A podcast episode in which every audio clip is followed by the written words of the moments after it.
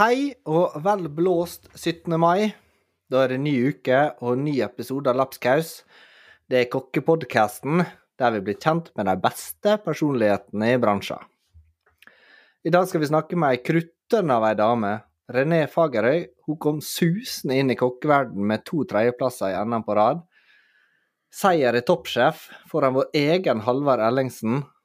Og nå så har hun sin egen bule, Bula, oppe i Trondheim. Hun har gitt ut kokebok, og ble i 2018 årets kjøkkensjef. Halvard, var det greit å bli slått av eh, René i Toppsjef? Ja, det syns jeg. Og så var det noen som skulle slå meg, så uh, Hun var vel den eneste som liksom ikke ble sur for å bli slått, slått av. Hvis det hadde blitt Kim, så hadde jeg klikka. Men, Ja. jeg, men uh, jeg har bestandig lurt på hvordan man ut... Jeg klarer ikke å uttale etternavnet. René Fagerhøy har jeg kommet frem til. Ja, jeg har lyst til å si Huhei. Hu- Hei. Ja, det blir liksom Eh, René Fager Huahei? Ja. Ja, det er noe som skurrer på hodet mitt. Ja. Men det blir gøy å prate med henne. Ja. Det blir bra. Ja. Eh, du, jeg, jeg, drev også Du, sitter jo og sveiper på dette Facebook. Jeg er ganske imponert over dette engasjementet du greier å få på Facebook-innleggene dine. Ja, og så Altså, du, på 16. mai så bare så jeg at hun Vanja, samboeren min, drev og eh, pynta kake. Og så var det masse sånn Facebook-innlegg sånn ellers av sånne jordbær og bringebær og blåbær. og sånn, så jeg bare fuck, det der er ikke noe godt, altså. Det er eneste grunnen til man putter det, altså for at importbær er jo ikke noe godt. Og det eneste grunnen til at man putter det på kaka, er jo for at det skal være rødt, hvitt og blått. Eh, og så var det egentlig Jeg hadde liksom prøvd å få at folk skulle bli sur og ta det til seg. At kom an, slutt å kjøpe importbær. Gjør noe norskt, ikke bare norskt flagg. Og så ble folk sånn her Ja, nei, nå skal jeg skrive hva vi, hva vi hatt på kaka, liksom. det ble sånn seriøst. Ja, det var akkurat som folk liksom trodde at jeg spurte. Men jeg mente jo bare sånn Kom an, skjerp dere, motherfuckers. Eh, og så Men så begynte jeg å tenke, og så bare Vi har ufattelig lite norske mattradisjoner på 17. mai. Ja, det er mye er vel eh, tatt til oss, ja. Ja, også, men det er liksom to ting som jeg Eller tre ting som jeg endte opp med. Og det er uh, Sodd er jo en sånn vanlig greie i eh, sånn Trøndelag, som man spiser. Ja. Det er jo sånn fest generelt, men også på 17. mai. Og så er det sånn avkokt laks med sånn uh, agurksalat og nypotet. Det kan ikke være nypotet, for at poteten er jo ikke kommet til 12. mai. ja gammel potet, ja. Ja, Eller i hvert fall ikke norsk. Det er jo kommet noen sånn her uh, forferdelig Israel-potet og Kypros, liksom. Eh, og så er det eggidosis. Det hadde i hvert fall min familie. Det var en tradisjon før, at man spiste det på 17. mai. Men eh, utover det så er det liksom pølse. Ikke spesielt norsk. Nei, det er nå vel dette her noe smelt sammen, dette her noe klassiske, eller det tradisjonelle koldtbordet, da. Ja, men hvis, og det var jo den andre tingen jeg fikk folk altså jeg skapte litt engasjement på i går kveld, eller jeg skal ikke si i går kveld, men eh, vi tar jo her opp 18. mai. Eh, det var at uh, sjukt mye bilder av Instagram og folk som sabler, de sier at de sabler champagne, og så ser du at det er kremant. Ja. og så er det sånn Jeg skulle på champagnefrokost. Og så bare sånn Ja, men det er jo Dere drikker jo bare Prosecco. Det er jo Prosecco-frokost. Og så blir det sånn kremantfrokost. ja, så tenkte jeg sånn, hva er det man tar med seg eh, på denne greia der? Kanskje man liksom kan loke, finne ut hva det liksom hva, Spiser folk noe tradisjonsmat på de ene greia? Men jeg tror at det går ufattelig mye kjøttboller, sånne ferdigkjøpte kjøttboller, og dadler med bacon rundt, og brusjetter med tomat, og foccaccia, og sånn pai. Ja, og det er ingenting som er norsk, liksom. Nei. Men det er kanskje ikke jævlig dårlig stemning. Og liksom, jeg tok med meg litt sånn stinkaroonie rakfisk på 17. mai-frokosten. Ja. Men uh, jeg syns jo det er litt sånn det kan, Jeg vet da faen om det er rett ord. Paradoksalt at vi feirer nasjonaldagen vår, og så spiser vi ikke norsk mat. Hvis du skulle ha fått satt en tradisjonell 17. mai-meny, Altså Ja. som var sånn, sånn som vi burde så, dette, her, dette her er det vi skal spise på 17. mai framover. Ja. Hva hadde du satt det? Nei, jeg vet da faen. Altså, for at vi er jo i en sånn død Eller i hvert fall her jeg bor, så er det jo Du kan spise litt skvallerkål, liksom. Vi er jo off-season på alt. Altså Man Mm. venter. Ja, men altså dere, eller ikke dere, men enda lenger, sånn, der er det jo kommet asparges, altså de første norske jordbærene kom. Det er jo fette sommer. Det er jo eh, Det snør jo her i dag, liksom. Ja, for det er nå ofte dette her noe laks og asparges og jordbær og rabarbra og, Ja, og slike og herregud, så mye laks, asparges, kalv og jordbær det kjørte kjørt på norske restauranter på 17. mai. Ikke i år, da, men det har jo liksom vært sånn Yes, da skriver vi 17. mai-meny, og det er laks. og det er enkle greier. Og bare yes, bare mokker ut, og så skrur vi opp prisen med 20% snakkast. Og så kjører vi fire seat, og så Men jeg, jeg, jeg hater jo 17. mai. Eh, Sånn. Jeg er jo ikke noe glad i 17. mai. Og, og spes- for at jeg er jo verken glad i folk, eh, og så er det det med å være jævlig stappa mett i dress. Kjempe, og full kjempetidlig på dagen. Det er ikke jeg noe glad i. altså. Nei. Så jeg syns det er mye bedre å jobbe på 17. mai. Jeg vil bestandig melde meg frivillig. Og så er det så jævlig dyrt å ha fri på 17. mai også. Så når jeg bodde i Oslo, så var det sånn ja, OK, hvis jeg skal ha fri på 17. mai, så skal jeg ha dobbel, skal jeg ha dobbel lønn for den dagen. For å ha fri. Ja. ja nei, jeg, jeg er litt enig. Jeg ser på meg sånn som en litt sånn 17. mai-grinch. Ja. Og det er Ja. litt problematisk for meg, for at jeg har Og Vanja elsker 17. mai. Jeg har ikke vært på en 17. mai-frokost, jeg. Jo, jeg altså sånn, har vært på 17. sånn champagnefrokost har ikke jeg vært på. Jeg har alltid vært på jobb. Eller eh, så gikk jeg over til å ha barn. Ja, jeg har vært på to. En gang så var vi liksom i Oslo med liksom kompisgjengen min fra Nord-Norge som bodde i Oslo, og så skulle vi på 17. mai-frokost til ei venninne som også var fra Sigefjord. Og så var det sånn her, ja, hva skal vi ta med? Og så er det sånn, ja, det kommer en kokk på 17. mai-frokost. Jeg var drithappy, for at det hun sa jeg kunne ta med, var ja, jeg kan ta med melk. Ja. Og da tok jeg med melk, men jeg kjøpte én pakke av hver sort melk jeg fant, for hun spesifiserte ikke. Jeg Spesifiserte ikke hvordan, Så jeg hadde med 27 liter melk i forskjellige fasonger. Altså kumeieriene, eh, tjukkmelk, kefir, lettkefir, altså surmelk både fra Tine og fra kumeieriene. Ja, så jeg tror hun har melk fremdeles, og det er en god stund siden vi var der. Det er noen år siden. Og det var ett år, og det var for så vidt Nei, det var ikke noe artig, det der. Og så var det den som liksom satte spikeren i kista for min 17. mai-frokostgreie. Det var jo han forrige gjesten vår, sånn Jimmy Øyen. Nei, men um, mange elsker 17. mai. Vi misliker den sånn litt. Men uh... Ja, det hadde vært greit hvis man hadde liksom restaurant. Da skjønner man man liker det. For da bare cashen bare flyr inn, og man kan være på jobb. ja, det er sant. Men det var, jeg tror ikke det var mange som var åpent i år. Det var mange som vurderte, vurderte den der. Vi holdt stengt. Ja, men dere solgte vel 150 000 sånn 17. mai-kasser? Ja, det var slitsomt. Herregud, forrige uke da sprang jeg. Sprang fra tirsdag til lørdag for å få det ferdig, dette. Du blir for gammel for den greia der, altså. ja. Nå gjør det? Så det. Men du, jeg, jeg leste plutselig på, eh, på nettet her nå at eh, Noma i Kjøben skal eh, De starta burgersjappe. Noma 3-0. Men de er jo for, altså, de kommer jo etter, for det var jo ei sjappe på Grünerløkka. Jeg vet ikke om den finnes fremdeles, som heter Noma Grill. Som hadde både kebab og ja. De så mot Oslo. Ja. De bare Ja. Fuck, der er det sjappa i Torolf Meyers gate som heter Noma, og som serverer burger. Nå må vi steppe, opp, steppe opp og gjøre det samme. Ja, Det var ikke mange som så den der komme. Da Han gjør eh, masse Han er ikke redd for å så bare dra i gang et stunt, han eh, Tror du hvor mange burgere han kommer til å selge, altså? Det er mange! det ikke bordbestilling. Og det, kom, altså det der kan ikke være sånn smittevernsmessig. Det kommer til å stå 100 000 i kø i, Ja. for å få seg burger på Noma, liksom. Hvordan gikk det med den rognkjeksen, eh, Halvard? Jo da, det er mye rognkjeks. 50 kilo mye rognkjeks. Det blir sånn ca. 10 kilo svinn på 50 liter. Man- Det er såpass, ja. Ja, eh, for at altså, det var 50 kilo i to isoporkasser, så tror jeg da man liksom har veid med den juicen, altså vannet og Ja. Og så øh, øh, har jo jeg revolusjonert måten å rense den på.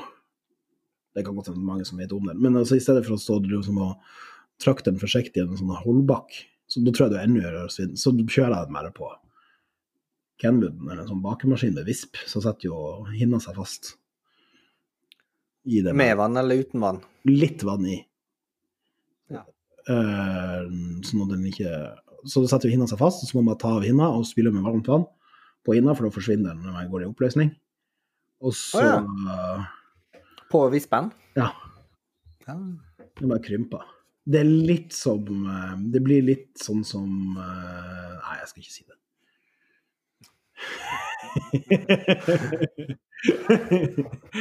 Eh, Men også den etterpå. Etter at jeg har rensa den. Altså, Ja. Kjør den først i fem minutter, ta av hinna som henger seg på vispen, kjør en gang til, skyll det. Og da legger rogna seg på bånn, og så flyter eventuelt mer hinne igjen opp. Legger seg på toppen. Og da kan man også bruke en sånn, her, eh, sånn fritø fritøse, eller hva faen det heter, sånn med sånne store hold i. Mhm. Ja, ikke de fineste. Og løfte opp, og da får man med seg enda mer sånne der småhinner som henger seg fast. Og så siler jeg det litt sånn grovt, om det mesteparten av vannet kom ut. Blanda inn, så endte jeg opp med 3 salt og 10% sukker. Og så hang jeg det 10 sukker? Nei. Mente én? Mente en. Bra du får. Mente én. 3% salt og eh, 110% sukker. Nei, 1 sukker. Uh, og så hang han over natta. Og det ble meget eh, bra, altså. Ja. Er Det vel nå han er best. Uh, Ja, det vil jeg, det vil jeg tro. Ja. Ja. Men litt av greia er jo med at uh, du får jo kjøpt norsk rognkjeksrogn i Norge. Problemet er at den har vært via eh, Danmark på fiskefor- fiskemarked eller auksjon, og så kommer den tilbake. Så, eh, men jeg har jo liksom Hva betaler du for kveita, Ronny? Per kilo? Kveite? Ja. 130-40 rundt der. Betal 65. Ja, det er ikke greit. Ok, greit. Litt, litt fordeler skal du ha med å bo i Nord-Norge. Ja. Greit. Og kjenne, kjenne litt folk. Ja. Ja, Nei, for jeg, jeg kjøper jo rett fra mottaket, så jeg kjøper jo, og de mottakene er så svære, så de driter jo i det når jeg kommer liksom og sier at jeg skal ha 50 kilo rognkjeksrogn, for det er jo ingenting for dem. Så jeg betaler jo det dem, altså om de legger på 10 kroner i sin fortjeneste, så betyr det så lite for dem i en sammenheng når et mottak omsetter for en milliard. Så trenger liksom ikke noen å tjene penger på tjene de 110 kronene. Så jeg, jeg betaler jo det fiskeren får for, for det. Eh, mens dere som jobber andre plasser, som i Oslo, og der skal jo liksom fiskeren ha sitt, mottaket ha sitt, transportøren ha sitt, fiskemegleren ha sitt, Bama ha sitt. Da blir det jo fort. Alle skal få, vet du. Vi skal jo prate med René. Ja. Ja. Men jeg tenker vi eh, svinger oss over til å prate med René. Jepp. Gjør ikke vi det? Jo. Det gjør vi.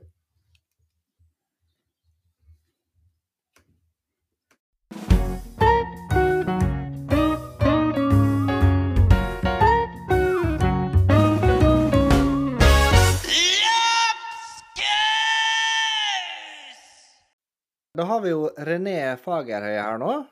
Hallo, René. Hallo, hallo. Jo. Så kjekt å ha deg her på podden. Jo, kjempeartig å bli invitert. Spennende opplegg. Ja. Går det bra med deg der oppe? Det går kjempefint. Det gjør det.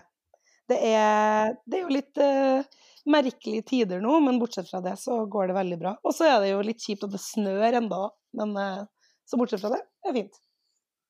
Ja. Ja. Vi hadde snø fram til eh, 16. mai, så nå er det fint vær. Ja, Så I dag har jeg kjørt eh, I dag har jeg gjort sånn der noe voksen, fått litt voksenpenger. Jeg har spilt hus og Spilt hus.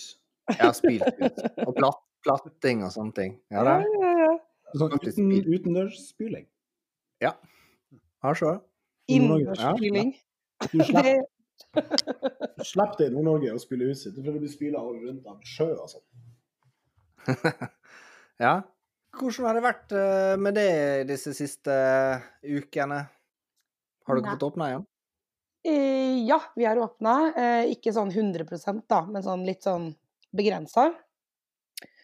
Og så har vi jo egentlig bare siste månedene nå drevet med ja, ting som jeg aldri trodde jeg skulle gjøre på Bula noen gang. da. F.eks. takeaway og sånne pakkeløsninger. Og ja, ting og tang, liksom. Eh, prøvde egentlig bare å selge alt vi kan selge. Jeg har en restaurantsjef som er veldig glad i å selge alt, så hun bruker bare sånn plukke ned bilder fra veggene jeg har som ikke liker og sånn, prøve å selge dem òg. Så vi bare, vi bare prøver å selge alt vi kan for å egentlig få inn litt eh, omsetning eh, for å få betalt regninga. Det er egentlig det det har dreid seg veldig mye om lenge nå. Ja, vi finner, vi finner på å holde oss i aktivitet. Eh, ja, det er ikke noe fare med det i hele tatt, for å si det sånn. Så, men det er jo veldig, det som er litt kult og litt spennende, er jo å se liksom hvordan man klarer å bare hive seg rundt og, og ja, finne på helt nye måter å tjene penger på. Og ser at man Fordi man har jobba lenge som kokk, så kan man jo masse forskjellig. Eh, og det er jo kult. så da plutselig så kan man drive med litt takeaway og gjøre litt mat som folk kan varme opp hjemme, og lage pakkeløsninger og ja, de tingene der, da. Og det, er jo, det som er kult, er jo at folk har syntes at det har vært veldig positivt. Altså, vi har hatt et enormt eh, stort salg på de tingene her, og det er jo det som har virkelig hjulpet oss gjennom den tida her nå, da, kan jeg si. Er jo at folk har backa oss så sjukt mye. Ja, det er jo veldig bra. Hvor mange, hvor mange sånne kasser eller sånne pakkeløsninger er det dere har solgt i løpet av uka, da? Eh, vi har jo hatt litt forskjellige typer pakkeløsninger og takeaway-greier og sånn. Men vi har jo solgt eh, rundt 200 av hver, da. Eh, ja, så det har vært eh, sykt mye. Og så har jeg jo permittert hele staben, så det er jo bare jeg som står og svømmer i sånne kasser og pakker og vaksinering og sånn. Ja. Fant jeg også ut her nå, at det, det er dritmye jobb å stå og pakke Ja, ut det er helt mye jobb. Det er helt Jeg hadde har ikke gidda å gjøre noe. For at jeg ble så forbanna når vi ikke fikk kroner fra den eh, tiltaksgreia. Ja, det skjønner jeg. Og så skyldte han på at fra der liksom det var jobba på AS-et i fjor, sånn alene, en tulling som Ja, ja. og kjørte noen kurs Men nå har jeg liksom åpna åtte ansatte og et lite fuckings hotell. Så det er eh, saksbehandleren som sa sånn Jo, men jeg skjønner ikke hvorfor dere skal ha støtte, for dere har jo hatt omsetningsøkning i februar. Jeg bare, vi er én tulling i fjor og åtte i år. Og så feiler? ja, ja. Driter vi. Og det var sånn her, ja ok, så hvis jeg skal ha penger, få noe hjelp i, for mars, april, som jeg kanskje får, så hadde det vært jævlig teit for meg hvis jeg hadde hatt omsetning. ja, ja. Så, og så har vi ikke så mye mm, utgifter. Sånn fellesutgifter, sier han som eier gården også eier driftsselskap og sånn. Så da blir det sånn her, ja nei, men da, da gidder jeg ikke. Nei, nei, nei, jeg ser det. Og er sur i stedet. Ja, ja, men man, man må bli litt sur, da. Det syns jeg er viktig. Man skal være litt sur og forbanna innimellom. Men, jo, men eh, altså, den der tiltakspakken den har jo egentlig bare berga ræva til rike gårdeiere. helt klart. Når det begynte, så var det sånn her, ah, nå må gårdeierne være med og betale, bla, bla, bla. Og så kom den tiltakspakken, så ja, men nå får dere jo dekket husleia, så nå kan Olav Thon ta ut de pengene likevel. Mm. Jeg Det var det det. jeg satt og venta på, vet du. Ja. Mm. Nei, jeg ser det jo, ser sjøl også på, på Bula, at vi har jo vi har jo søkt, eh, og vi har jo fått eh, noe støtte. Eh, Men støtten er jo en ekstremt liten sum eh, i forhold til de utgiftene man har, da. Så det er i hvert fall for vår del er det overhodet ikke noe som i det hele tatt Jeg tror det, ja, det dekker halve husleia jeg har, og that's it. Så er det ganske mange andre utgifter utenom det, da. Men er jo veldig, det er jo bedre å få dekket halve husleia enn ingen husleie, da. Så jeg har litt den innstillinga der, for å si det sånn. Det er akkurat det der. Mm. Det blir nesten sånn at man må begrense tapet sitt. Ja, det er akkurat det. Så, men det er jo klart, eh, jeg går jo inn i mitt tredje driftsår på Bula nå, og ja, med et veldig godt resultat inn i 2020, da. Og virkelig her skal være året hvor på en måte ja, alt skulle nedbetales og ting skulle på en måte bli i vater, da. Mm. Og det blir det jo ikke. Så det er jo uansett så er det jo eh, har det jo en, uansett en påvirkning. Vi er jo heldige og vi overlever, vi går ikke konkurs, vi har en god drift. Men det er jo klart at det har jo en stor, stor negativ betydning på drifta likevel. Ja, du får liksom ikke gjort de tingene du hadde lyst til å gjøre. Nei, nei. Altså utvikla og bare Å, det har vært fett med det og det og det og Ja. Nei, man får bare få stryke dette året her nå. Ja, 2020 det er bare å stryke. Ja, Sett en stor strek over hele greia. får Dårlig vær har det vært også. Ja, det har vært et helvete. Ja. Men, men eh, du, er, du er jo eh, oppvokst på en økologisk gård. Mm. Fortell litt om veien din frem til å bli kokk, da. Eh, jeg er jo jeg er jo født i Tønsberg, men er oppvokst på gård i Trondheim. Eh, så litt forskjellige gårder, men jeg er oppvokst i noe som heter Camp Hill, da, som er sånn super 70-talls hippie-kollektiv-greier. Litt sånn sektaktig. så her snakker vi Ja, her snakker vi mye batikk og, og liksom Ja, hjemmetova, votter og ja, full rulle. Eh, men hel eh, biodynamisk drift, da. Så det er jo veldig spennende. Så jeg har jo lært fra tidlig av eh, egentlig alt som har med Altså vi snakker old school, da. Melking av kyr for hånd og ja, ysting og hele den tingen der. Og det er jo noe jeg ikke tenkte over så veldig mye når jeg var liten, selvfølgelig. Men det er jo de tingene jeg må lære som liksom du bare Det ligger bare i deg, da. Naturlig, etter hvert. Og når yrkesvalget på en måte ble kokk etter hvert, så fant jeg jo plutselig ut at jøss, jeg kan jo en del sånne her ting. Det er jo kult. Eh, og det har man kanskje ikke reflektert så mye over når man er ungdom og ikke syns det er så sykt kult å komme fra sånn weird ass gård, liksom. Men så blir det litt kulere etter hvert. Ja. Så, nei, eh, jeg vet ikke. Jeg var en eh, typisk person som var veldig glad og, i å holde på med film, radio, eh, type mediegreier. Var det jeg gjorde på videregående. Eh, allerede da var jeg egentlig ganske glad i å jobbe mye, da, så jeg var sånn person som gjerne egentlig strøyk i nynorsk og matte, men jeg liksom satt på skolen hele helga og klippet film, ikke sant, for det var gøy. Eh, ja. Studerte i England etter videregående, studerte kjønnsteori og mediekommunikasjon eh, på sånn toppuniversitet. Eh, og var egentlig veldig, veldig god på det og syntes det var spennende. Men jeg syntes også det var veldig sånn lite sånn håndfast, hvis jeg kan si det. Eh, så jeg ble veldig lei av å sitte og bare lese masse tekster, og så skulle jeg skrive tekster om å være kritisk til deres tekster igjen, på en måte. Eh, det ga meg ikke så mye etter hvert. Og det var da jeg bestemte meg for at eh, jeg tror jeg flytter tilbake til Trondheim, og så blir jeg kokk. Og det var egentlig på mange måter litt random, for jeg kjente jo ingen andre kokker. Jeg kjente ikke bransjen i det hele tatt. Jeg hadde ikke en venninne som jobba ekstra som servitør engang. Liksom. Jeg, sånn, jeg visste ikke av ett menneske som jobba i bransjen her. Eh, men jeg bare visste at eh, mat syntes jeg var sykt kult å holde på med, og at jeg allerede kunne litt, da. Så det var en lang prosess da å komme seg liksom inn i, kall det, restaurantverden. Fordi jeg hadde tatt høyere utdannelse, så hadde jeg ikke noe skolerett, og så har jeg ikke gått kokkelinja på skolen, og så, liksom, og så videre. Så havner du akkurat sånn mellom skolerett og voksenopplæring, så da får du på en måte ingen hjelp, da. ja, hvor gammel du var da, da?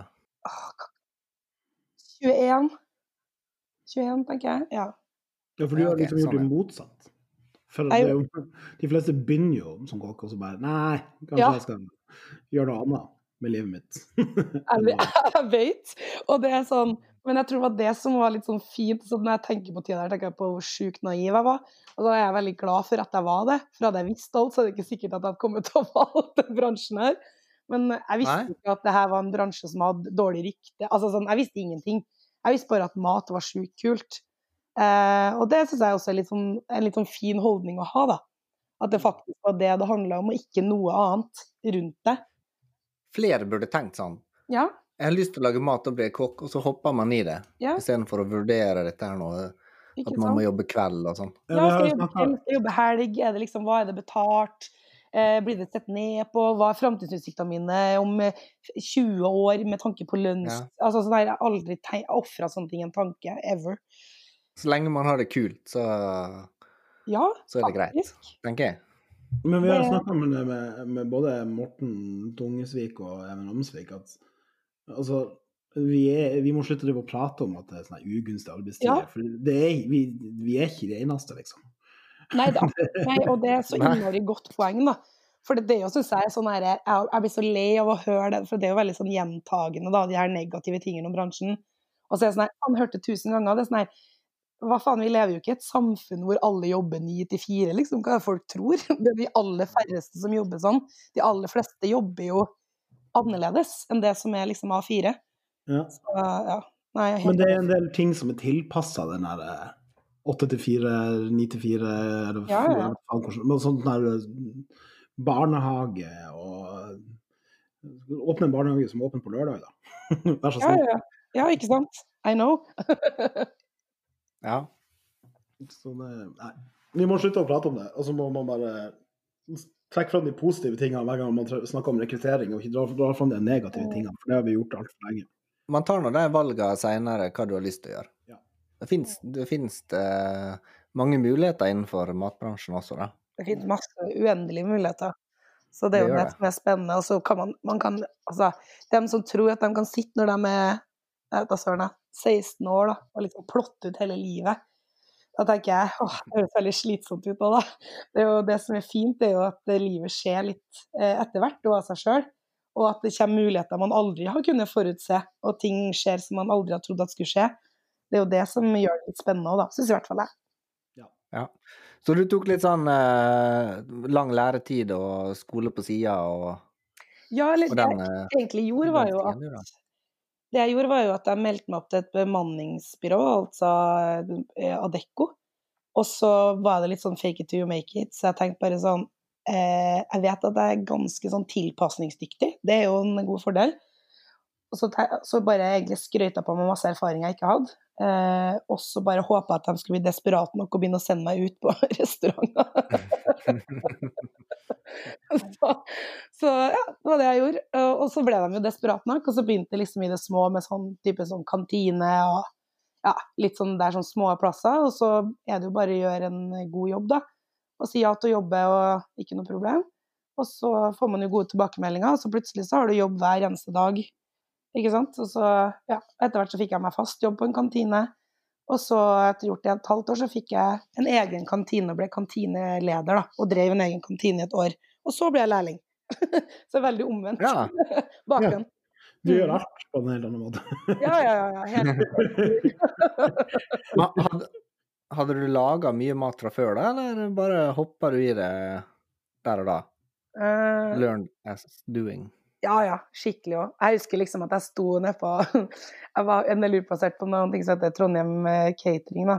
eh, Med en som heter Palle Jørgensen. Litt sånn eldre type som har vært i gamet mange år. Og jeg husker jeg sto nedpå der og hadde aldri liksom sett en connection i mitt liv engang. Så jeg var sånn «Øh, bare gå og sett på det og det, ikke sant. Jeg bare sånn aha, aha. Skal aldri innrømme at man ikke kan noe, bare følge med, ikke sant. Bare sånn kjempevåkent blikk hele tida. OK, de skrur på der, den er grei. Du, du, du. Der vipper de stingskjellen. Så bare holdt jo på sånn der, da.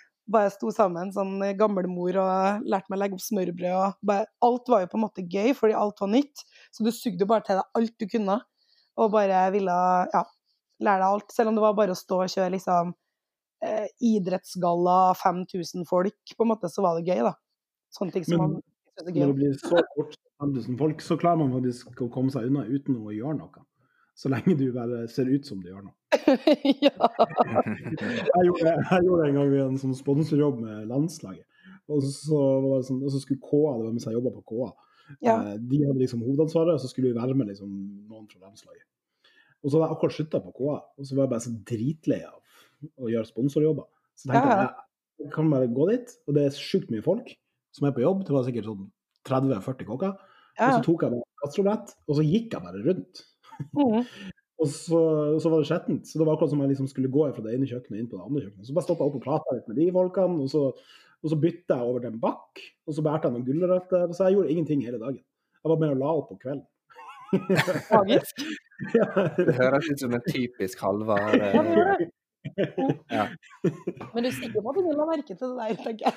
Det, det kan godt hende. Det var ingen som tok meg. Jeg fikk ikke Det var kjeft. ingen som sa det. Bare, Yes, nei, men uh, eh, Job well done. Ha det bra. Snakkes. Vi må, kle, vi må klippe opp en greie av det her, for nå har jeg sagt trikset mitt. Så nå begynner jo folk å bli oppmerksom på det. Så vi må klippe bort en del her. Ja, faktisk. Nei, nei, nei. nei, nei, nei, nei. Folk får vite hvem han Halvard egentlig er. Det er rart du ikke har åpna restaurant og fått folk til å jobbe for det før. Sant. Ja, merkelig. Ja, og så eh, tok du lærtida di på Var det Britannia, var det det? Ja, stemmer. Ja. Og så var ikke det lenge før at vi så det dukke opp på eh, konkurransepallene. Jeg begynte å konkurrere ganske kjapt med en gang jeg tok fagbrevet, egentlig. Ja. Det var vel året etterpå, ja. Var det rett på NM, eller gjorde du noe sånn her eh, Årets ugresskokk, eller noe sånt? Mm. Eller klinka det rett på NM? første konkurransen jeg gjorde ved NM, eh, var det. Kjapp hopp inn i eh, inn blant tungsluggerne i kokkebransjen, da. Med å ta fagbrevet såpass tidlig, og så er du Ja, så var det to eh, tredjeplasser i NM, og så var det toppsjef, og så hadde vel så å si alle hørt om det. Ja, det, det høres jo veldig sånn kjapt ut når du, når du ramser opp sånn, men for meg føltes det ut som en evighet, alt som skjedde. Fordi jeg hadde jo helt sjukt travelt, i og med at jeg hadde starta på, på fagbrevet eh, litt senere enn andre, ikke sant. Så jeg var jo ferdig utdanna kokk da jeg var 24, starta da jeg var 22. Um, og det er jo klart at når alle andre er liksom nå, når jeg tenker sånn ah, Det er jo ikke så stor forskjell på 24 og 22, men når du er 24, da er det sykt stor forskjell på dem som er 20, 21, 22, ikke sant? så du kjenner jo på at du er mye eldre enn dem, og så er de nesten like flinke som deg. Og da, da, da føler du at du har det travelt, og da har du lyst til å bli kjapt god, da.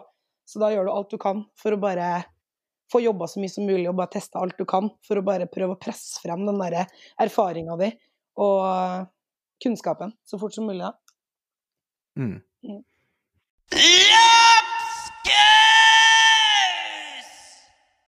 Jeg tenkte, jeg har litt lyst til å prate med deg om, eh, om dette her nå, å være dame i, eh, i kokkeyrket, og spesielt blant konkurranse, da. Mm. Det er ikke mange damer som er topp tre i NM. Jeg satt og så over lista, og det er fem damer som har vært på topp tre og, siden 1990, Mm. og du er en av dem.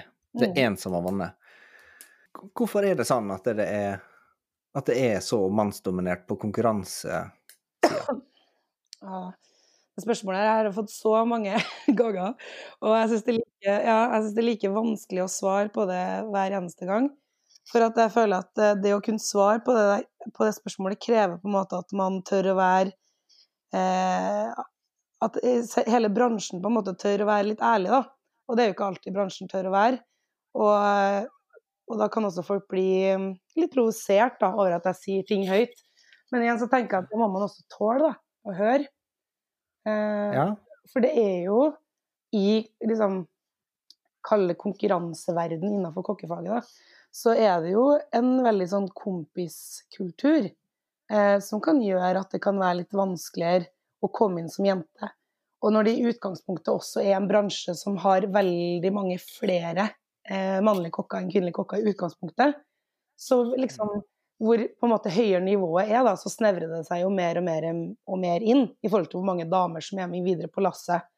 Um, og jeg tror at de få damene som kanskje bestemmer seg eller ønsker, eller på et eller annet vis blir liksom en, en del av det opplegget der, da, de kan også oppleve at det blir ekstremt mye press, fordi de står så tydelig eh, i det, ikke sant. De blir så sinnssykt synlige.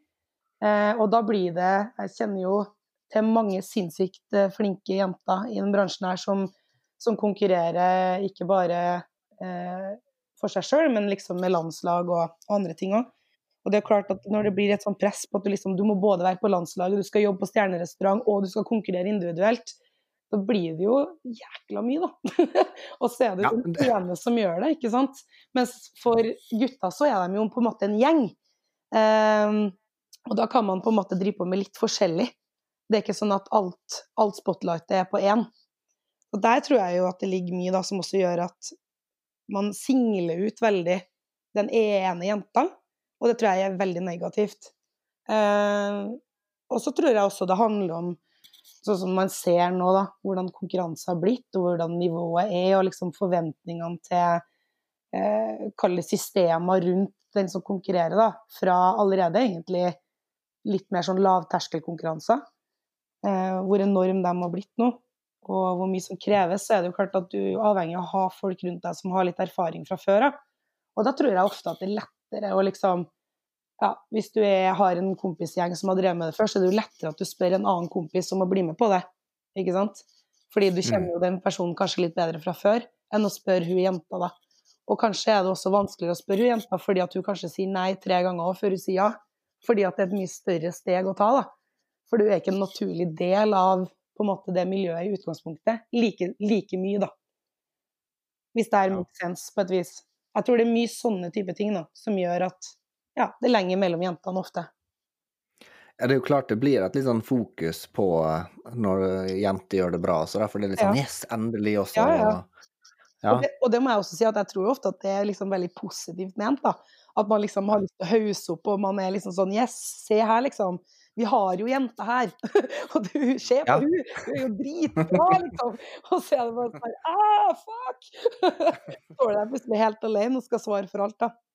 Eh, og så er det jo også en holdning blant kokker som er litt sånn her Du vinner jo Du kan aldri vinne, da, ikke sant. Fordi hvis du ikke vinner, så har du gjort det bra fordi at du er hun eneste jenta, og det var tøft nok. Men hvis du vinner, så vinner du fordi du er jente. Så du, sånn, du taper litt uansett, da. Gjør du. Og det var jo Jeg kan jo bare si også, når jeg og Halvard konkurrerte i Toppsjef, og når jeg vant, da var det jo ekstremt mye negativ fokus eh, ja, rundt omkring på at jeg vant. Og da var jo det jeg fikk i trynet hele tida, var jo at jeg, jeg måtte på en måte vinne fordi det var bra at en jente vant, ikke fordi at jeg gjorde det bedre.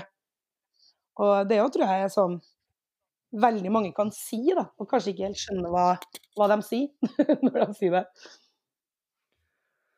Ja, øh, vi øh, jeg vil si noe om det. Men jeg må bare Pappa står utenfor og veiver med hendene, så han vil høre hva faen han vil. Hva hva vil du? ja, det er bra. Nei, men Jeg skjønner hva du mener, da. Ja. Dette her nå fokus, at det blir alltid, det blir alltid vridd på. Det er egentlig Ja. sjukt synd at det skal være Ja, sånn. det er det. For jeg tenker sånn Ja. her, uansett liksom hva konkurransen er, da, så må man på en måte stole på sånn OK, vi har valgt ut det dommerpanelet her. Vi stoler på de dommerne her, at de vil på en måte velge dem som leverer best i dag. Og da må vi kunne stole på det, enten det er en jente eller en gutt som vinner. Ikke sant? Det kan ikke være plutselig bli kjønnsavhengig i det avgjørelsen blir tatt. Nei, for det, det, det som er fint med kokkekonkurranse, er jo det at det er jo helt kjønnsnøytralt. Det er jo ingen Mhm. forskjell i det hele tatt. Sånn som på fo fot fotball og, og sport og sånne ting, så er jo det faktisk fysisk forskjell. Mm. Men på kokkekonkurranse så er det ingen fordel verken å være gutt eller jente, Nei. vil jeg si da. Ja, og det, og det er jo akkurat det som er så innmari kult. Men igjen så er det jo på en måte ikke det som er realiteten heller, da. For hvis du, ser, hvis du tar Bookestore, som er det største, så er det jo en guttekonkurranse. Ja, og det er synd. Det er kjempesynd. Så jeg bare tenker sånn, Man må også kunne si det. For at ja, liksom, hele ideen med at det er kjønnsnøytralt, er jo faen meg verdens beste idé. Det er så sykt kult. Men så må vi også kunne være ærlige og si at men det er jo ikke helt det som skjer i praksis. Nei, Mm. det er sant. Ja. Er du tilbake igjen, Halvard? Ja. Ja. Ja. Hva Hva var det pappa ville? Nei, jeg skjønte ikke hva han ville heller. Sånn at det kan være greit. Han sto og peiva. Så det var ja. Ja. Eh, nei, men jeg fikk jo også den om at eh, Å, jeg heier så jævlig på deg, og René skulle bare vant bare for å være dame. Og det er bare Ja. fullstendig bullshit. Jeg ble, jeg ble jo forbanna også. Ja. Og det var jo eh, Det var én ting, og så drev de og kommenterte på han her eh, Sebastian som røyk ut først. Eller nest først, eller noe sånt. Eh, for at han var så ung. Ja. Og, og, og det var sånn her, og da fikk man liksom virkelig føle på det der eh, kommentarfeltdyret. Eh, så det var Ja. Men den der eh, greia med deg ble jeg jo skikkelig irritert over. Altså, det var så teit. Det, er så- hva, er Ja. vitsen? hva er poenget, liksom? Jeg vet, det er Men- akkurat det. Og, jeg, jeg, jeg, og folk har liksom sagt det for to uker siden. Ja, det ser du. Come on! Skjerp dere!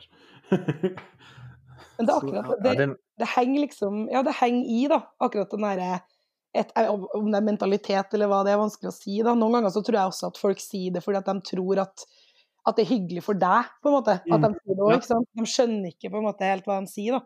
Så, og sånn vil det jo alltid være. Folk sier jo mye dumt. Men eh, ja, det der er jo absolutt en tendens, da, er det jo. At eh, man på en måte at det blir slengt litt sånne type ting rundt. da, Og det er jo klart at det er jo ikke akkurat med å bygge opp, da. Under jenta som konkurrerer, for å si det sånn. Nei, nei. Mm. Jeg var jo, mens jeg var på landslaget, så var vi jo uh, ganske mange jenter.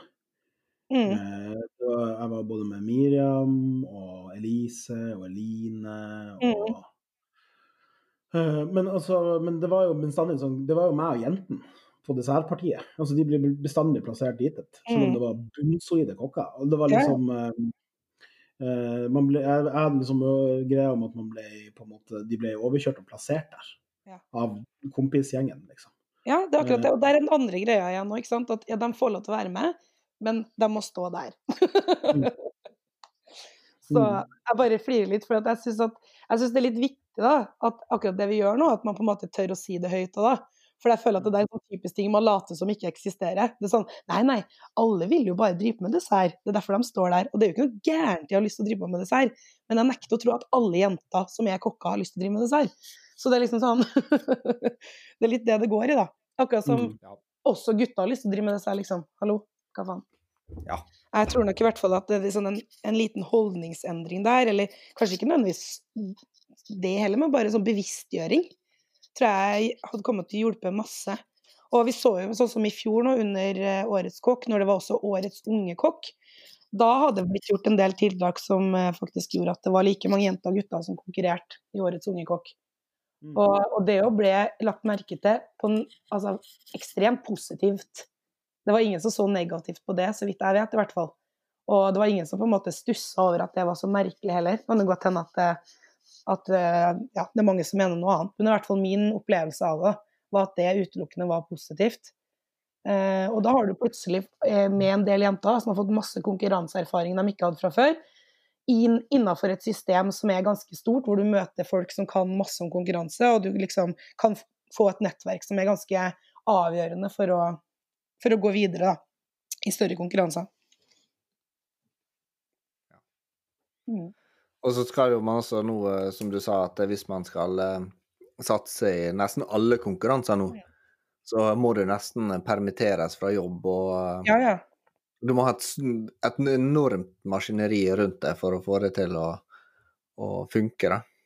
Det er akkurat det. Det er, he det er helt vilt. Jeg så nå bare på uh, han uh, mannen din, han Borgar, når han var i, i Global Chef. Mm. Hvordan de dro i gang det, kontra hva jeg og du gjorde, Halvard. Ja. Jo, men det var noe altså, Det var ei greie der. Det skjedde et eller annet. Jeg vet ikke hvem Ja. altså, det- Det bare eksploderte så Ja. sinnssykt. Eh, Når jeg var med, så var det liksom en europalm med stæsj fra, fra Oslo med Bama til Ålesund, liksom, og satt opp og var med meg og en komi, liksom. Uh, og så husker jeg liksom året etterpå, når det var NM i Trondheim, når Ørjan eh, vant og var med, da var liksom eh, Gunnar Warne sto og pussa brettene til Ørjan med liksom sølvpuss, og hele Mm. familien i sving. og Uh, og da, da skjedde noe bare det året, husker jeg. For da var liksom Rate liksom med, Morten Rate var med, og det var Ja. liksom hjemmefavoritt. Og liksom hadde med en egen sånn induksjonstopp og bare what the fuck. Så det var et eller annet som bare Og så, og så eskalerte det bare enda mer. Og nå har de med seg egne kjøkken liksom, inn på det. Ja, ja. Det er helt sjukt. Det er Og så blir det sånn her og så det, det har liksom de, de fatene Fram til nå så fikk man jo gjøre hva man ville med de fatene. Mm. Og så kom det sånn standardfat som de må bruke. Men det betyr jo ikke at det er mindre sånn pengekjør på det. For det betyr jo bare at du har frigjort de pengene som du vanligvis brukte på det fatet, til å bruke på noe helt annet. Og så bare OK, da kan jeg ta seks måneder permisjon for å kunne gjøre Ja. det her i stedet. Ja, ja. Og Men samtidig så jo syns jeg, jeg synes jo at det er positivt da, at det har blitt innført standardfat, da, for det var jo liksom året før ja, Hva blir det da? Eh, året før Ja, gangen før i fjor, da. Så var det jo bare sånn her Det var bare sånn Det var så ville mengder penger på fat Mm. som ikke skal brukes mer enn Jeg én gang. En gang. Det er helt Eller du kan kjøre den som han, eh, Jan Robin Ektvedt gjorde når han var med i Årets. Han tegna et fat som han hadde i bakhodet på at når han var ferdig å bruke det fatet, så skulle han bruke det som stuebord. Ja, ja, ja. Det er det. Det er bra. Bærekraftig. Bærekraftig bokstav. Ja. Helt konge. Liker jeg. Ja, bra. Mm. Har du noen flere konkurranseplaner framover? Eh, nei, jeg har ikke det. Fordi eh, det er Det er ting med når man liksom går over til å eie og drive sjøl, eh, så er det på en måte det som blir fokuset. Og da er det vanskelig å ja, sånn som vi snakker om nå, da, alt det som kreves. Og hvis man først skal på en måte konkurrere, så vil man jo gå all in. Eh, og da syns jeg det er vanskelig altså, med en restaurant, i hvert fall så, en sånn ny restaurant som jeg har nå. Ja, man må det. Litt som sånn alt til sin tid, kanskje. Jeg tenker, Det var jo en del år jeg kjørte på masse, og så bare så var, er det jo veldig gøy å lære seg å drive restaurant og bygge restaurant, ikke minst, og, og holde på med det òg. Så jeg tenker man trenger jo ikke å Ja, det handler jo om å utvikle seg og, gjøre nye ting og lære seg nye ting. Men plutselig, da, så er man kanskje kjempevoksen og har lyst til å konkurrere. Så hvem vet. Ja. Jeg har drevet og tenkt på det også. Innimellom så bare sånn Ja, Lurer på om det hadde funka hvis jeg hadde sendt inn til Emma. Ikke sant? NMNO. Og så har jeg bare Nei, nei, nei. nei, nei. Den, den tanken har alle slått meg. ikke? Ikke? Nei, men du har vunnet, da.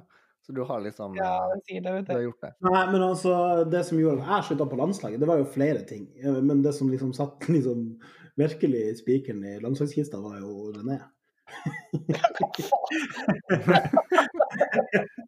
For jeg tenkte bare, jeg gidder faen ikke å være med på flere konkurranser. Som du- Hvis jeg skal være med på flere konkurranser, så skal jeg garantert å vinne.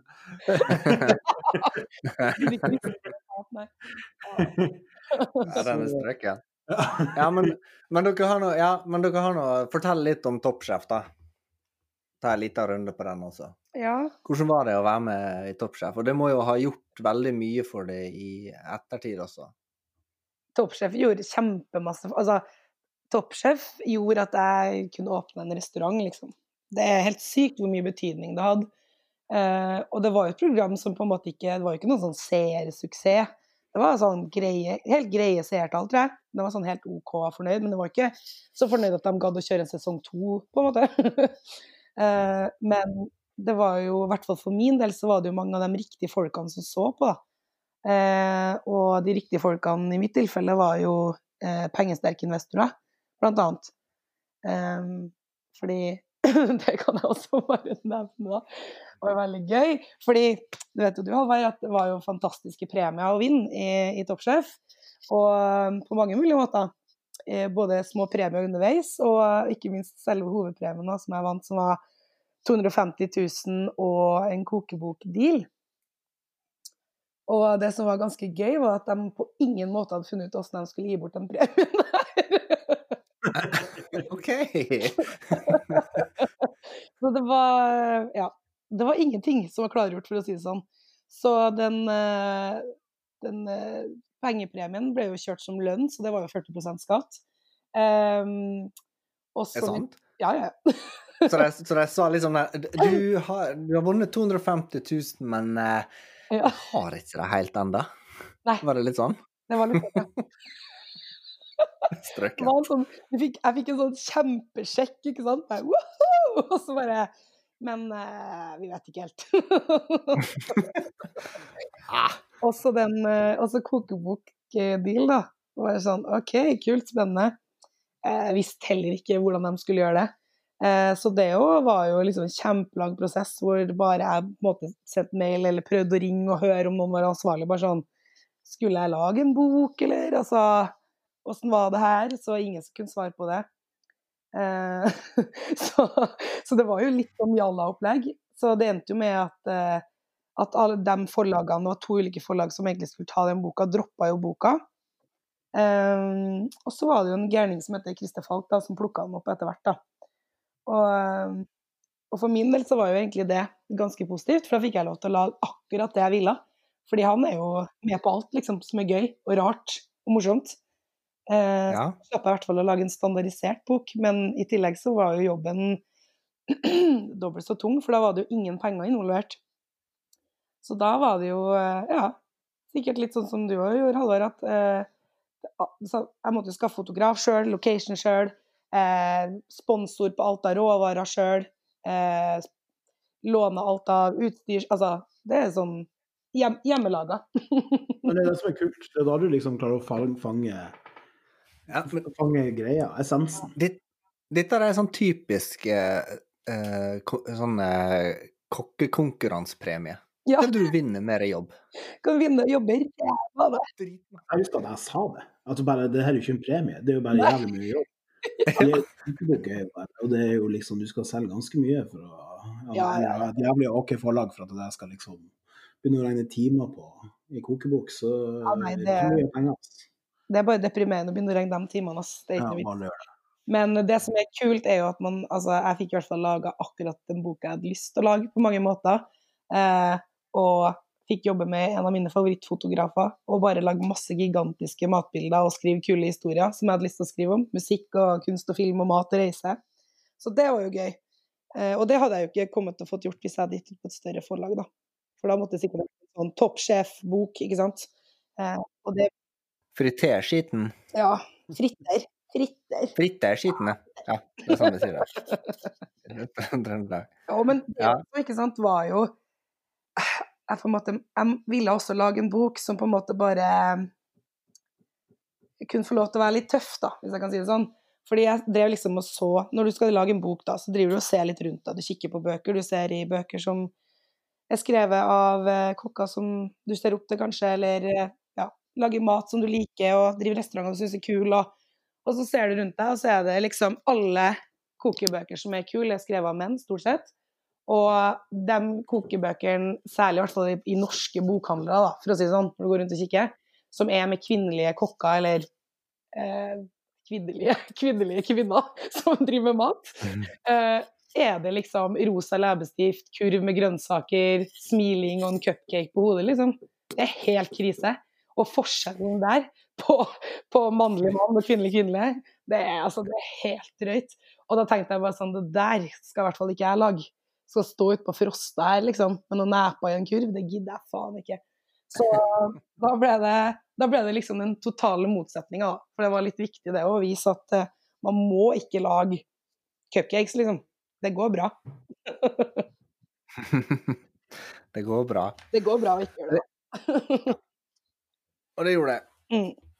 Um, og så åpna du Bula, en ne neobistro.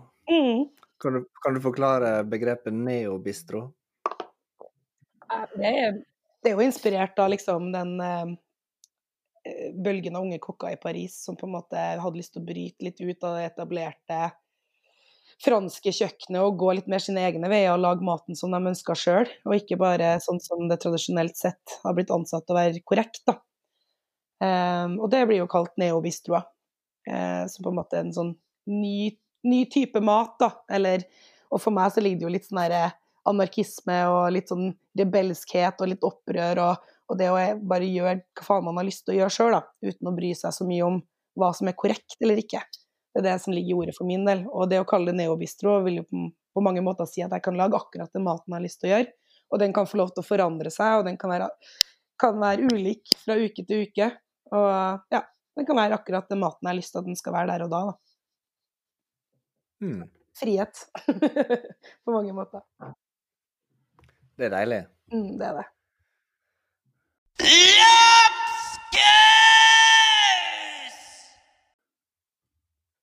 Og i 2018 så ble du kåra til årets kjøkkensjef. ja. Stemmer det? Ja. Og så har jeg funnet det som står her nå, da.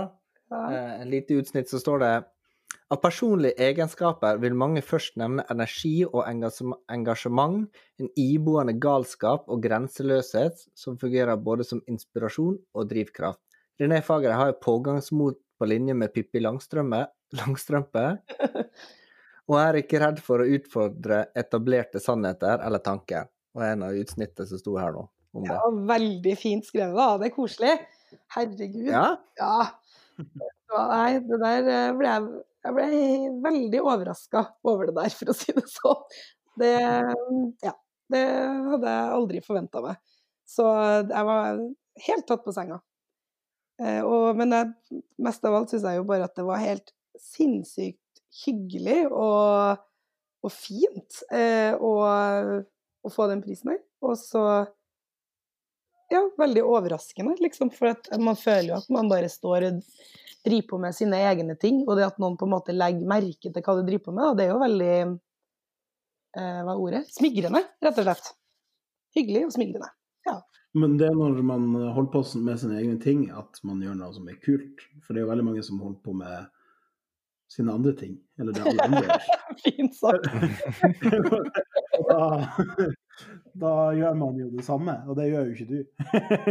Nei, Så da er det jo liksom eh, Det er jo en, en god, god greie å gjøre sine egne ting. ja, jo, men det, ja, det er det absolutt ikke de andre tingene.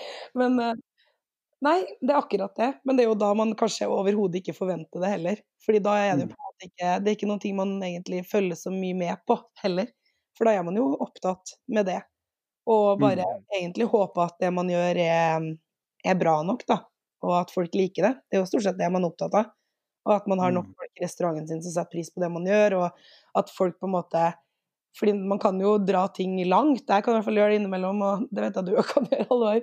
Og det liksom Og da på en måte Når man gjør det også, så er det jo alltid en sjanse for at folk misforstår deg eller ikke skjønner hva det er du skal formidle. Og. Og det kan jo være krevende å hele tida stå og vippe imellom der, da. Hva er for langt, liksom, og, og hva blir kjedelig, og hva, hva er for drøyt. Så det å få en sånn type anerkjennelse, det syns jeg var veldig stort og veldig smigrende. Hyggelig. Um, jeg har også lest at du er, eller lest, jeg har sett på eh, Instagram og følger med på dere, at dere er veldig mye ute og reiser. Mm -hmm. Veldig mye ute og reiser og spiser. mhm.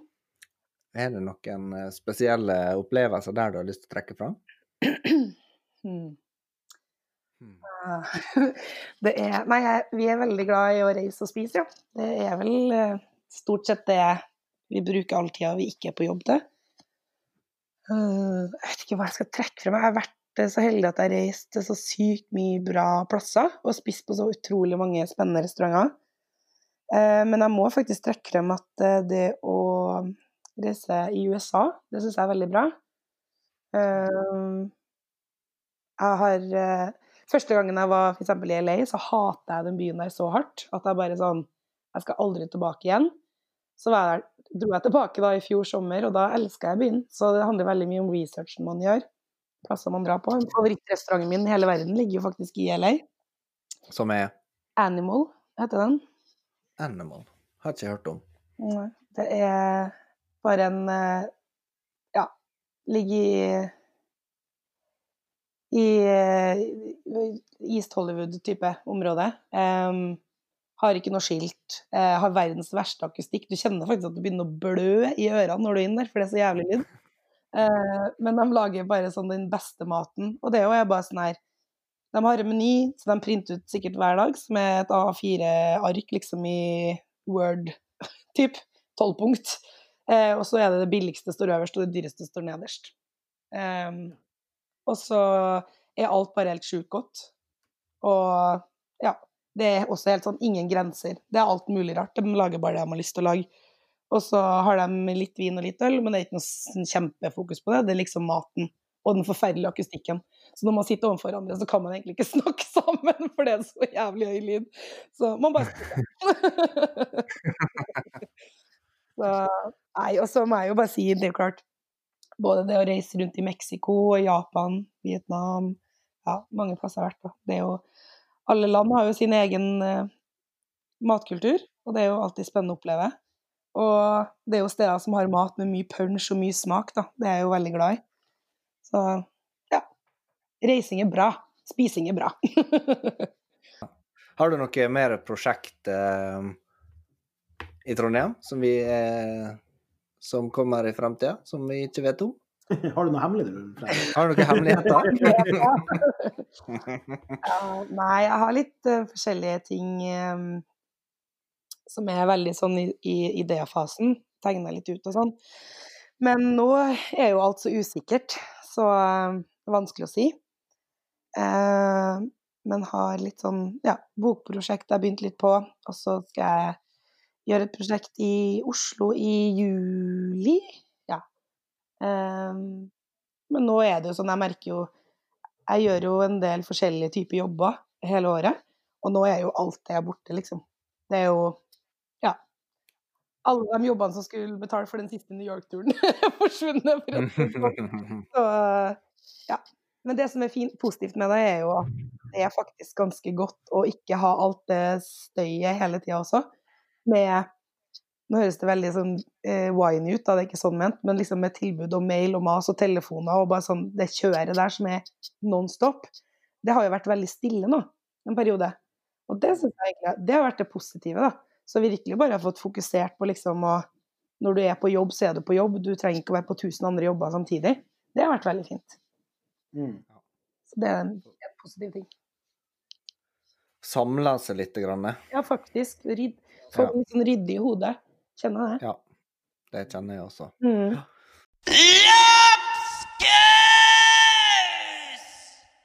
Men vi pleier å spørre våre, eh, de som vi intervjuer, et par eh, spørsmål på slutten. Mm. Som, ikke, som er ganske harmløse. Men vi lurer litt på eh, Hva er din guilty pleasure når det gjelder mat? Det er i hvert fall eh, Altså, jeg vet ikke om det er guilty pleasure, eller bare pleasure, da. Men det er liksom sånn skitten kinamatkombinasjon Kina-matkombinasjon rekesvin. Sånn dirty. Åh, beste. Det må liksom være sånn, det må være sånn at det er liksom, du ser det er litt dirty. Det kan ikke være sånn fancy, clean, nymotens plass. Nei, du Um, må være litt, litt usikker på om du blir, uh, blir trøbbel i bakluka. ja, ja, ja. Det må være litt sånn, ja. du må liksom sette deg ned, og så må det være litt sånn mugg i blomsterpottene i vinduet og sånn. For at Da vet jeg at de leverer en fin rekekombinasjon.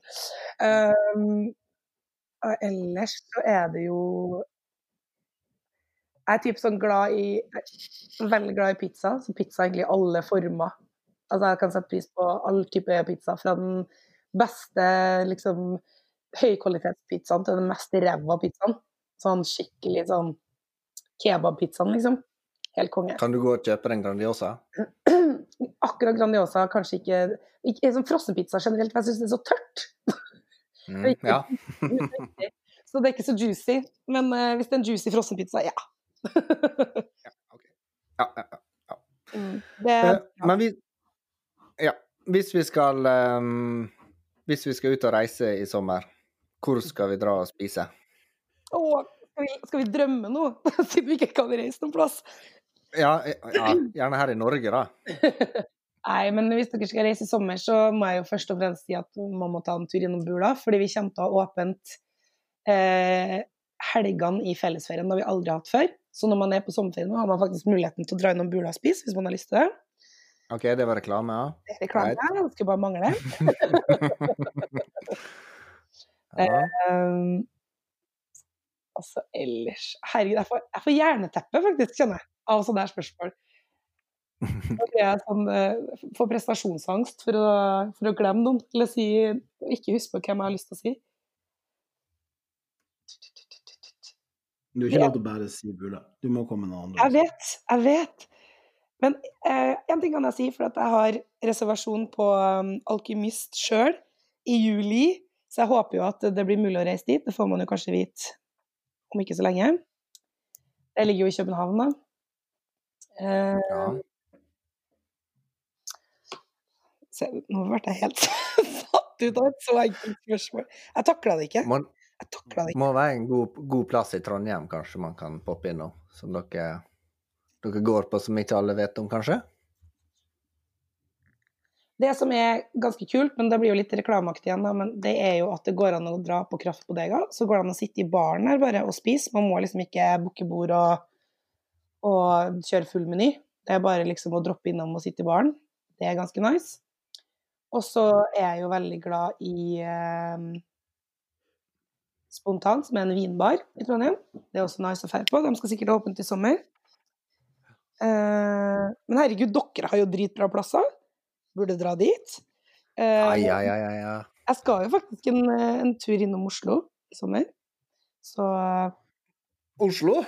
Oslo Ja, der finner ikke rås. Nei. Nei, nei, nei. Men jeg tenkte at det var noen andre plasser man finner det. ja, sånn, ja. ingen av oss som er i Oslo, heldigvis. Vi er kulere enn det. vet oss litt utafor. Det, har ikke vært i Trondheim på evigheter.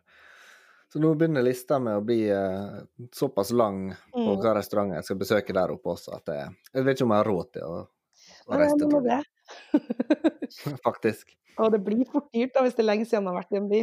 Da popper det. Ja, Ah, ja. det. Men uh, si, siste, da. Uh, hva, hva er de greier på kjøkkenet som alltid havner på menyen akkurat nå? Alltid havner på menyen. Uh, alltid pasta. Eh, I forskjellige former. Fasonger. Eh, alltid jelly shots. Jelly shots, faktisk. ja, alltid. jelly shots. Eh, alle de i form av liksom Ja, jellifiserte, harry cocktails. Som for eksempel pina coladas, mojitos, sånne type ting. Um, griseøra. Eh, Fritert. Frittert, selvfølgelig. Litt kjedelig med sånn slapt kokt øre, bare. Um, Sånn bløt kokt øre. Posjert. Low temp. Um, ja, i hvert fall de tingene der. Typisk. Havner alltid på menyen. Ja, det er bra. Ja. Det høres bra ut. Det har vært, uh, vært veldig hyggelig å prate med deg, René. I like måte. Absolutt. Ja, det hyggelig. Det er så kjedelig når vi har brukt opp gjester, for da kan man ikke liksom Da må vi vente så lenge til neste gang. Jeg trenger ikke å bli så lenge til, vet du. Nei, vi har en solid Det trenger jeg ikke. Men altså, veldig koselig å være gjest, altså, det må jeg bare si. Og kjempegøy at dere spurte meg, og ikke minst dritkult at dere lager den podkasten her. Det syns jeg er bra. Bra greier. Ja, det er bra. Jo, takk. Det er kult. Mm. Vi prøver så godt vi kan videre. Ronny kjører jo steinhardt. Han er en sånn podkastdiktator. Jeg får jo bare sånn Ja, i dag er det René, og i morgen er det nestemann, og så Men det er bra. da. Ja da. Nå må, må Ja. ting gjort. Da må man ha litt system. ja, må det. Det er det. Og så må du faktisk være med på det sjøl, Halvard. Du kan ikke få noen andre til å gjøre det for deg. Altså, du, du styrer jo det meste. Du klipper, og du innkaller meg. Og... Ja, faen. Du har egentlig Du går bare rundt i her gastrombrett nå, egentlig. Sånn. Jeg på uh, før, før du kom inn, da, så drev jeg, mens han drev og prata i den introen, så drev jeg prøvde å se om jeg kunne finne meg noen nye sånn sommer, sånn utemøbler. Ja. Døren René, før, vi, før du forsvinner helt nå, så fikk jeg nettopp et tips at jeg skal spørre deg hvem favorittkokken din er. Hæ? Hvor fikk du det tipset fra? Eh, Med han mannen din? Hallo?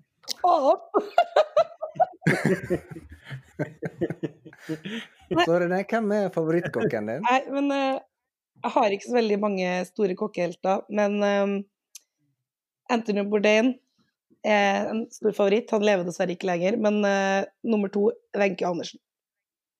Vent, Ja. Bra. Favoritt. Den sveier, Thomas. Jeg gjorde det. Ouch! Ha en fin kveld videre, René, så snakkes vi. Det gjør vi. Takk. I like måte. Ha det. Ja, det var René, det, Halvard. Ja. Det er jo fyrverkeri. Man får jo godt betalt. Nei. Man får penger. Nei, jeg vet da faen. Hun sier i hvert fall masse greier som er bra, og det er så deilig at noen gjør det. Ja, det var veldig hyggelig å prate med henne. Veldig hyggelig. Men det er What's cooking, good looking? Ja. Det skjer jo ikke sånn kjempemasse for tida. På noen fronter. Det, som, det viktigste som har skjedd den siste måneden, er jo eh, en ny sånn matpodkast som heter Lapskaus. Ja!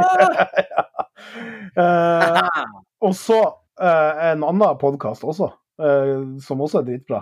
Det er jo den der kokkeprat til Jan Robin og Tom Viktor. Og eh, bare hør den med Bjørn Svensson. Herregud, for en legende. Fy faen.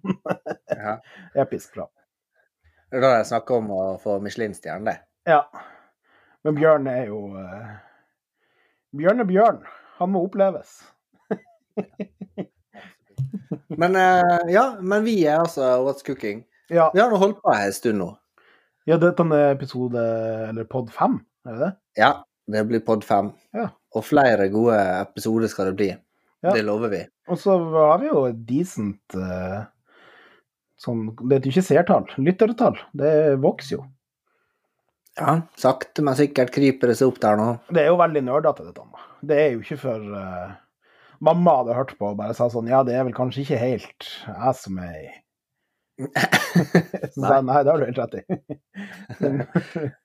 Det er ikke det. Men her er nå en del gode historier, da, så det kan nå hende at eh, de som er litt mer interessert, eh, kan slenge seg på og høre litt. Men eh, Og hvis det er noen som har lyst til å slenge seg på og gjøre mer enn å høre på, men kanskje også sponse oss litt, så kan vi absolutt selge ræva for en liten annonseplass i podkasten. Det er ikke for Ja. hva som helst. Ikke Scampi og hermetisk sjampinjong og sånn, da. Men uh, um, noe kult. Det hadde vært fett. Eller bare Ja. Nei, så det er jo muligheter. Kjør på. Kjør på. Nei, og så, eh, Vi har jo hatt et satans kjør etter en sånn VG-artikkel forrige lørdag. Sånn at mm, Vi har jo masse, masse bookinger i sommer, og det, det er jo digg. Å se at det er en tid etter koronasen også, så vi får bare håpe at folk ikke driver og er smitta og ødelegger alt. Men uh, det er mulig det trenger, trenger, trenger flere folk i sommer. Så hvis du er en ung eh, ung kokk som har lyst på et litt sånn nordnorsk sommereventyr, hvis det er lov til å si uten at det høres ut som starten på en pornofilm, så ta kontakt, så kanskje vi, kanskje vi har bruk for noen. Ja, man får en mulighet, da. Opplever Nord-Norge og jobbe litt på en uh, nyoppstarta gård og eh, servere stjernemat. Ja, forhåpentligvis en gang. Ja, Eh, men i tillegg så må man også være med å luke, være med å fôre de to kalvene vi får 3. juni. Men jeg, jeg, jeg kommer, jeg, Halvard. sa en ung. Ja. ja. Jeg gidder ikke at du skal være traskende og pirke borti alt og si Ja, at jeg bra. ting feil. Kontakter Halvard. Ja. Eh, neste episode så holder vi oss i Trondheim. Ja. Ja. Da skal vi snakke med en uh, hyggelig kar derifra. Ja, det ikke er en av de hyggeligste. En av de hyggeligste. hyggeligste. Og flinkeste. Ja, det også. Tusen takk for at dere hørte på oss. Det her er Lapskaus. Over og ut, Halvard. Sjalabais.